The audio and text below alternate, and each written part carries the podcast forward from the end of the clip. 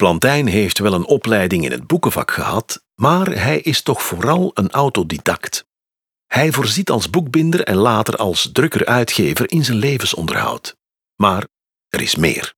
Hij is een man met een overtuiging. Hij gelooft in de maatschappelijke rol van boeken, het belang van onderwijs, de wetenschappen en de Griekse en Romeinse auteurs. Zo komt hij in contact met vooraanstaande wetenschappers en intellectuelen met wie hij uitgebreid correspondeert in het Frans, Latijn, Spaans en Italiaans. Plantijn heeft in heel Europa contacten. Hij kan netwerken als geen ander. Plantijn is een gelovig man, zoals iedereen in zijn tijd. Maar hij is ook iemand die met zijn voeten op de grond probeert te blijven, standvastig en gelijkmoedig.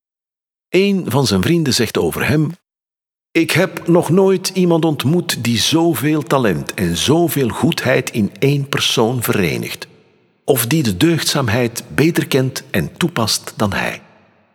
Ik ontdek alle dagen wel iets anders in hem dat ik kan aanbevelen.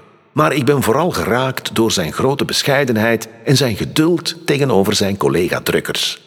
Zij benijden hem, maar hij blijft hen correct behandelen, hoewel hij hen veel schade zou kunnen toebrengen.